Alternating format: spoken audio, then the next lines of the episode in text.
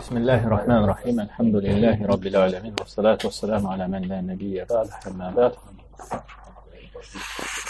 Biz qaldıq Şərh Qavadil Muslər birinci, birinci qaydada, hə? Birinci qaydanı qutarmadıq. Yəni, Qavad fil əsmə adlarda olan qaydalar. Nə keçdik biz orada? Hə? Əsməllah kulluhə husnə ey bəliğətun fi əl-həsənə qayətə. Hə? Fil husni qayətə. Yəni, dörd dənə şey saydıq orada. Yəni, sifətin dörd dənə xüsusiyyəti hansılar idi? Yəni, sifətlər olur. Kamil, hər, hər cəhətdən kamilliyə dəlat edən, sonra sifətlər olur hər cəhətdən naqis olan, və sifətlər olur təqdirdə, yəni mütəalliqi e, naqis və e, kamil olan, özü özlüyündə kamil olan, hə? Bir də var, yəni ehtimal olan, naqisliyi və kamilliyi ehtimal edən. Allahın adları, Allahın adları. O dörd dənəsindən ancaq hansıdır? Biridir də, yəni. Yəni hər tərəfdən kamil olan. Yəni nə təqdirə, nə də ki ehtimala, yəni e, naqis girməyən. Sonra qalil müəllif rahimehullah müəllif deyir, yəni Şeyx İbn Hüseymin rahimehullah özü müəllifdir, özü də şərihdir. Yəni müəllif deyəndə mətn qəsd olunur. Misal zəlikə el-hayyu ismun min əsma'illahi təala mutadamminun lil-hayatil kamilə əlləti ləm tusbəq bi ədəm. Bunun misalı, yəni yuxarıda sadalanan mövzunun, yəni misalı, misal üçün hey. Yəni dediyimiz ki, yəni Allahın adları hamısı hüsnədir, yəni son dərəcə, yəni kamilliyə dəlalət edir. Hey misaldır, hə? Allahın hey adı misaldır. Mutədəmmin lil həyatil kamilə. Özündə kamil həyatı məzmununda daşıyır. Əlləti ləm tusbəq bi adam və la yulhiquha zawal. Hansı ki, yoxluq onu qabaqlamayıb, nə də ki, zaval, zaval nədir? İtmə ona yəni qoşulmaz. Li kəmal sifat min el-ilm vel-qudra və-səmi vel-basar və qeyriha. Yəni həyat vəsfi yəni həyat vəsfi gərəkdirir digər kamil sifətləri, hansı elm, qüdrət, səmə, eşitmə, vəl-bəsar, görmə və qeyrilərini. Və misal əxər, ikinci misal, ya demək, yəni hey sifəti dedik ki, hər tərəfdən nədir? Kamilliyə dəvat edir. Hər tərəfdən kamilliyə dəvat edir. Hələ üstə gəl, yəni kamil sifətləri də gərəkdirir. Yəni dedik ki, elm, qüdrət, səm, vəl-bəsar və qeyri sifətləri. İkinci misal, Misal misalun axar. El-alim. İsm min əsma'illahi mutadamin lil-ilmil kamil. Allahın yəni alim adı. Hər şey bilən, hə?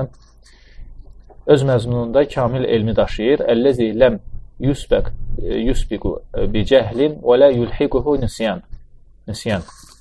Hansı ki, cahillik onu qabaqlamayıb və e, unutqanlıq da e, ona nə olmaz? Qoşulmaz. قال الله تعالى ilmuha ində Rabbi fi kitabin la yadillu Rabbi və la yansa. Necə ki Allah Taala buyurur, ilmuha ində Rabbi fi, fi kitabin. Onun elmi Rəbbimin yanındadır, huzurundadır, fi kitab. Yəni kitabda qeyd edib, la yadillu Rabbi və la yansa. Yəni Rəbbim nə azmaz, nə də unutmaz.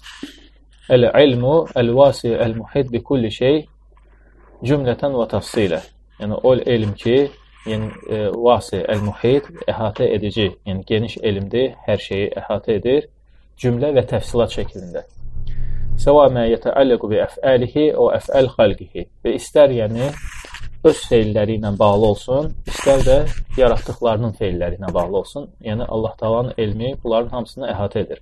Qala Allahu Teala və indehu məfatihul ghaibi la ya'lamuha illa huwa ويعلم ما في البر والبحر وما تسقط من ورقة إلا يعلمها ولا حبة في ظلمات الأرض ولا ratbin və la yabisin illə fi kitabin mubin. Və necə ki Allah təala buyurur: "Və indehu məfatihul gayb." Yəni qeybin açarları Allahdadır. La ya'lamuha, yəni qeybin açarları nədir burada? Yəni hər bir şey. Hə? Qeyb elmi. La ya'lamuha illa huwa. Yəni ondan başqa heç kəs bilmir onu. Və ya'lamu ma fil berri vel bahri. E, quruda və dənizdə olan hər bir şeyi bilir. Və ma tasqutu min varaqatin illa ya'lamuha. Və elə bir yarpaq yoxdur ki, düşsün, yəni Allah Taala onu bilməsin. Yəni ən yüngül şeylərdən də, yəni yarpağın düşməsi, yəni və la habbetun fi zulumatil ard. Və dən tunda, yəni həbbə fi zulumatil ard. Yerin, yəni zülmətlərində, təbəqələrində, yəni qaranlığında. Və la ratbin və la yabisin nə yaş olan, nə quru olan illə fi kitabin mubin. Yəni bunlar hamısı aydın olan kitabda yazılıb. Və mə min dəbbətin fil ardı illə aləllahi rizquhə və ya'lamu mustaqarraha və mustawda'aha kullun fi kitabin mubin. Həmçinin başqa ayədə Allah buyurur: "Və mə min dəbbətin fil ardı illə aləllahi rizquhə." Yer üzündə, yəni gəzən elə bir canlı yoxdur, yoxdur, elə bir heyvan yoxdur ki, yəni dəbbə, yəni dörd ayaqlı heyvana deyilir də. E, ruzusu Allahın, yəni üzərinə olmasın. Yəni Allah Taala özünə, yəni vacib bilməsin onu ruzlandırmağı. Və ya'lamu mustaqarraha və mustawda'aha. Onun yəni e, qərar tutduğu yer və sonuncunu yəni Allah Taala bilir. Kullun fi kitabin mubin. Bunların hamısı aydın kitabdadır. Ya'lemu mə fis-semavati vel-ardı və ya'lemu mə tusirruna və mə tu'linuna vallahu alimun bizatis-sudur. Və başqa ayədə Allah Taala buyurur: Ya'lemu mə fis-semavati. Göylərdə və yerdə olanı bilir. Və ya'lemu mə tusirruna. Siz sirdə gizlətdiyinizi bilir və nəyi ki aşkar etdiyinizi də bilir. Aşkar etdiyinizi də bilir. Vallahu alimun bizatis-sudur. Allah Taala kökslərdə olanları bilir. Bunlar hamısı, yəni kamil elmə dəlalət edir. Yəni bu vəsf, vəsflər hamısı. Və misal səlis, üçüncü misal, Ər-Rəhmən ismun min əsməillahi təalə mutadamminun lirrahmətil kamilə. Yəni üçüncü misal Rəhmən misalıdır. Allahın Rəhmən adı. Yəni öz məzmununda kamil rəhməti yəni daşıyır. Əlləti qalə anhə Rasulullah sallallahu aleyhi və səlləm hansı ki o barədə yəni Peyğəmbər sallallahu aleyhi və səlləm buyurmuşdu: "Lillahi ərhamu bi ibadihi min hazihi bi valadiha." Yəni Allah ərham bi ibadihi. Allah yəni öz qullarına daha rəhimlidir, nəinki bu öz övladına qarşı. Yəni ananı göstərir, yəni müharibə vaxtı, yəni ana öz övladını tapır, sıxır sinəsinə. Yəni Ummu Səbi vəcədəthu fissəbi, yəni e, müharibə deyəndə, yəni orada girov tutulmuşdu da, yəni əsir, əsir tutulanda səbi, çünki əsirlik. Fə əxazəthu və əlsəqathu bi batnihə. E, tutur onu, sıxır öz bətninə. Və ardaəthu əmizdirir. Və mutadammin eydan li rəhmətil vasiyə. Həmçinin yəni rəhmən adı, yəni geniş rəhməti də özündə daşıyır. Əlləti qalə Allah anhə, hansı ki Allah təala bu barədə buyurur, rəhməti vəsiyyət kulli şey. Rəhmətim hər şeyi yəni əhatə edir. Hər şeydən genişdir. Və qalə ən duail mələikəti lil müminin və həmçinin Allah təala yəni mələklərin möminlərə etdiyi dua barəsində buyurur: Rabbənə vəsi'tə kulli şeyin rəhmətən və ilmən. Ey Rəbbimiz, sən hər şeyi öz rəhmətin və elminlə əhatə etdin. Bunlar hamısı nədir? Mətndə gəlir. İndi keçir şərhə. Qol zulümət, cəm zulümə və ay ayədə keçən yəni zulümətil ard. Yəni yerin zülmətləri. Dedi zülmət, yəni cəmdədir, təki zülmədir. Zulmə. Və zulümət kəmə təkunu fil bəhr, təkunu fil ard. Və zülmət necə ki, yəni e, ayələrdə keçir, yəni dənizdə olur, eləcə də yəni yerdə də olur. Yəni yerin təbəqələrində də olur. Fənzur ilə həbbətin mədfunətin fi qa'il bəhr. Bax deyir, yəni dənə, dən. Mədfunə, bastırılmış fiqa, əl-bəhr, dənizin, yəni dibində. Fi leyləti mumtiratin, yəni yağışlı bir gecədə. Yəni e, dənizin dibi, yəni dənizin dibi özü bir, yəni zülmətdir. Düzdür? O dən orada bastırılıb hələ torpaqda, hə? Torpağın özü də bir zülmətdir, dənizin dibi də bir zülmətdir. Sonra gecənin özü bir zülmətdir. Mumtira yağış, yağışın özü də zülmət yaradır. Fi leylət mumtira və qaym kəsif.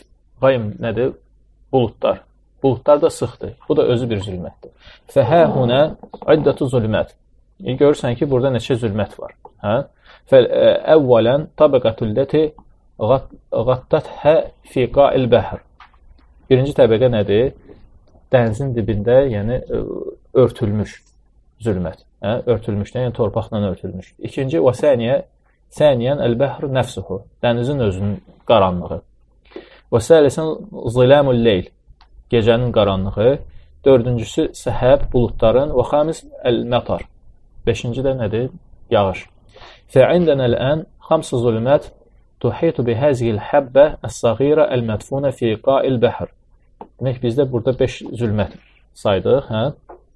Həmin o dəni, kiçik bir dəni, balaca bir dəni, yəni e, dənizin dibində bastırılmış bir dəni, yəni əhatə edir. Və la tərahə əl-əynul mücərrədə. Bunu yəni e, Mücərrədə nevarujanu da, yəni nə, nə, nə, nə, necə deyirlər onu? Silahlanmamış. Silahlanmamış, tərk silah. Hə? Göz, yəni göz yəni onu görə bilmir. O cürlə. Yəni nevarujanum glazım da belə deyirlər, hə? Adi, adi göz görənlər. Adi, yəni e, hələ ki silahlanmamış gözlə görmək olmur. Silahlanmamış, yəni mikroskop məsəl üçün heç nə olmadan, yəni görmək olmur onu. Vallahu Teala ya'lemuha. Allah Teala isə onu bilir. Bəl hiyə fi kitabin mubin. Hətta onu qeyd edib aydın kitabda. Ey məktubə. Hə, cihazsız. Və həzə dəlilun alə umumi umum umumi ilmillahi və si'atihi. Bu dəlildir Allahın yəni, e, elminin ümumi olması, yəni geniş olmasının. Geniş olmasına. Və ennehu la yaxfa alayhi şey'un fil ard və la fis səma. Ki Allahdan heç nə nə yerdə, nə göydə, yəni gizli qalmır. Və min əsəri zəlikə və bunun, yəni bu adın əsərindən, təsirindən ənnəkə izə, yəni hökmündən və yaxud desək, ənnəkə izə əməntə bi ilmillahi, əgər Allahın elminə iman etsən, və ənəhu ya'lamu kulli şeyin fis semawati vel ard, ki, yəni Allah Taala göylərdə və yerdə hər bir şeyi bilir və innu yanbaghi an yurdi'aka imanuka haza an fi'lin ma yukrihu Allah an fi'li ma yukrihu Allah. Yəni bu hamısı səni daşındırmalıdır, yəni çəkinməyə qorxmağa ki, yəni bu iman səni daşındırmalıdır. Qorxmağa ki, Allahı Allahın xoşuna gəlmədiyi bir işi yerinə yetirməkdə. Və yenbəği ləkə ən təfələ mə yuhibbullah. Və gərək ki, sən yəni bunu iman etmisənsə, Allahın sevdiyi şeyi yerinə yetirəsən, Allahın sevdiyi əməlləri yerinə yetirəsən, aleykə ən tə'ləmə ennəkə məhmə e, kətəmtə fi nəfsikə min şey, fəllahu ya'ləmuhu. Və gərək ki, biləsən ki, e, nə qədər istəsən gizlətməyə özündə nə isə Allah Taala bunu bilir. Və məhmə kətəmtə anil xalq fələm ya'lemuhu fe innallahu ya'lem. Və e, xalqdan, məxluqatdan, yəni nə qədər gizlətsən də Allahdan bunu gizlədə bilməyəcək. Və mimmə yənbəği kəzəlik ma'rifətuhu hə huna ennəkə in fəaltə mə yəkrahuhu Allah mustatiran anin nas fe innallaha qad yattali'u yuttali'u ən-nəsə alə zəlikə səva əxbəruka əm ləm yuxbiruk. Və həmçinin onu bilməlisən ki, nə qədər deyir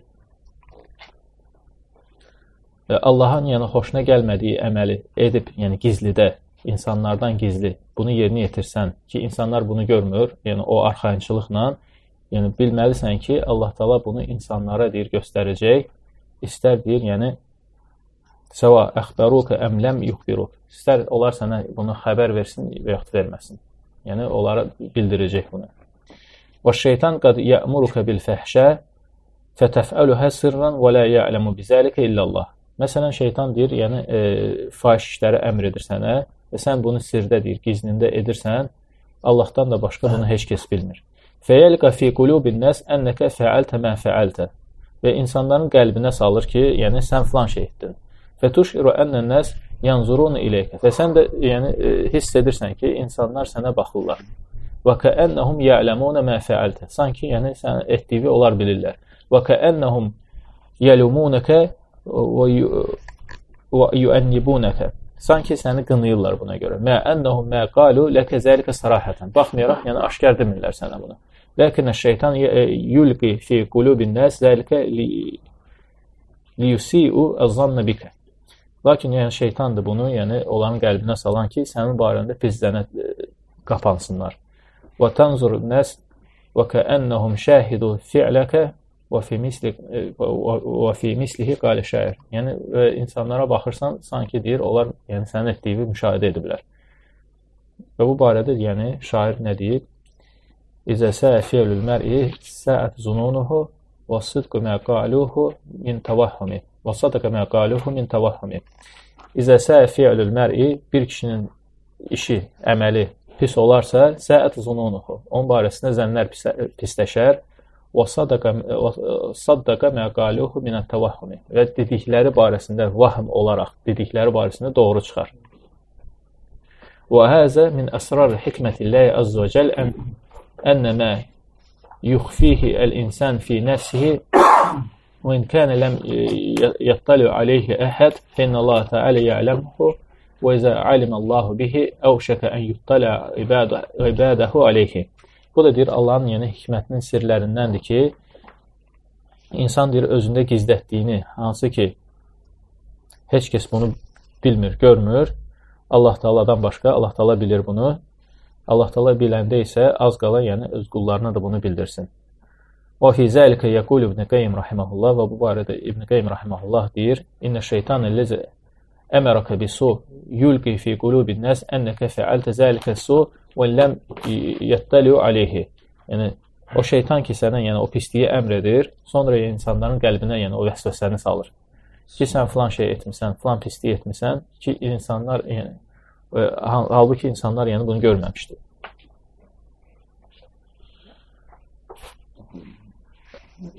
Və həzi məsələ tucibu li'abd ən yəhtəris qayətəl ihtiras minəz-zunub və xafiyyət. Bu, yəni məsələ deyir, vacib edir qula, yəni qorunsun, son dərəcədə qorunsun günahlardan, yəni hətta gizli olsa belə.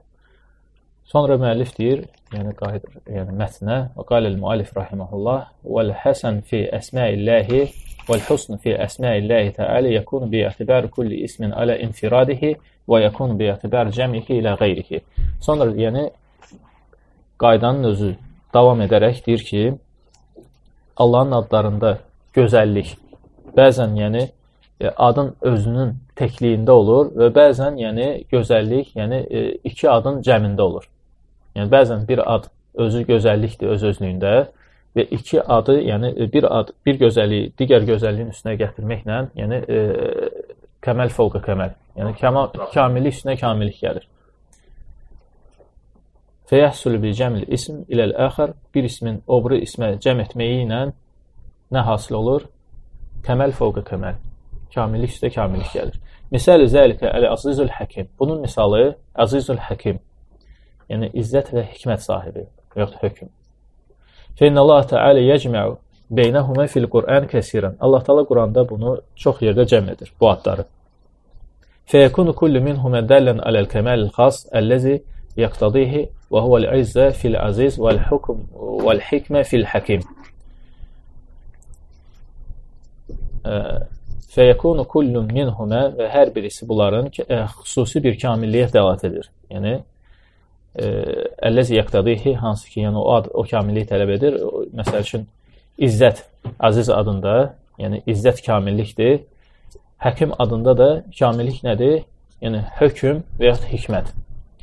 Vəl cəm beynəhumə dəllun alə kəməlin əxar. Bu iki adın ara, e, bu iki ad cəm etməkdə, yəni başqa bir kamillik var. Əlavə bir kamillik var. Ənə izzətəhu təalə məqrunatun bil hikmə. Yəni Allahın izzətini, izzəti onun hikməti ilə bağlanmağı. Yəni bu kamillik üstə kamillikdir. Fə izzətuhu la taqtadi zulman və cawran və su fi'lin kəmə qad yakunu e, min aizza'il məxluqin. Çünki deyir Allahın yəni izzəti burada, yəni zülmü, e, haqsızlığı və pis feili yəni gərəkdirmir. Nəyə görə? Çünki hikmətdən irəli gəlir o izzət. Hə? Necə ki bu, yəni məxluqlarda olan, yəni izzətlilərdə baş verir. Məxluqlardan olan izzətlilərdə nə baş verir? Zülm baş verə bilər, günah baş verə bilər, pislik baş verə bilər, haqsızlıq. Çünki hər yəni izzətli həkim deyil, yəni hikmət sahibi deyil. Finnəl azizə minhum qad təxuzuhul izzə bil ism. Bəzən görsən, yəni e, onlardan olan bir izzətdir, o izzətindən istifadə edir, günaha e, sövq edir onu, yəni zülmə sövq edir onu. Fəyazlimu və yəcur və yusivu ət-təsarrufa. Zülm edir, haqsızlıq edir və e, yəni idarə etməsində yəni e, pislik edir. E, yəni istifadə edir, e, su istifadə edir vəzifəsindən. Məsəl üçün. Və kəzəlikə hukmuhu təala. Həmçinin Allahın hökmü də belə. E, hökmü də, hikməti də məqrunəni bil-izz. Hər ikisi bunların, yəni izzəti ilə bağlıdır. Əl-izzul kamil. Kamil, yəni izzəti ilə bağlıdır. Bi xilafi hukmul məxluq və hikmətihi fə innəhumə ya'tarihimə əz-zil.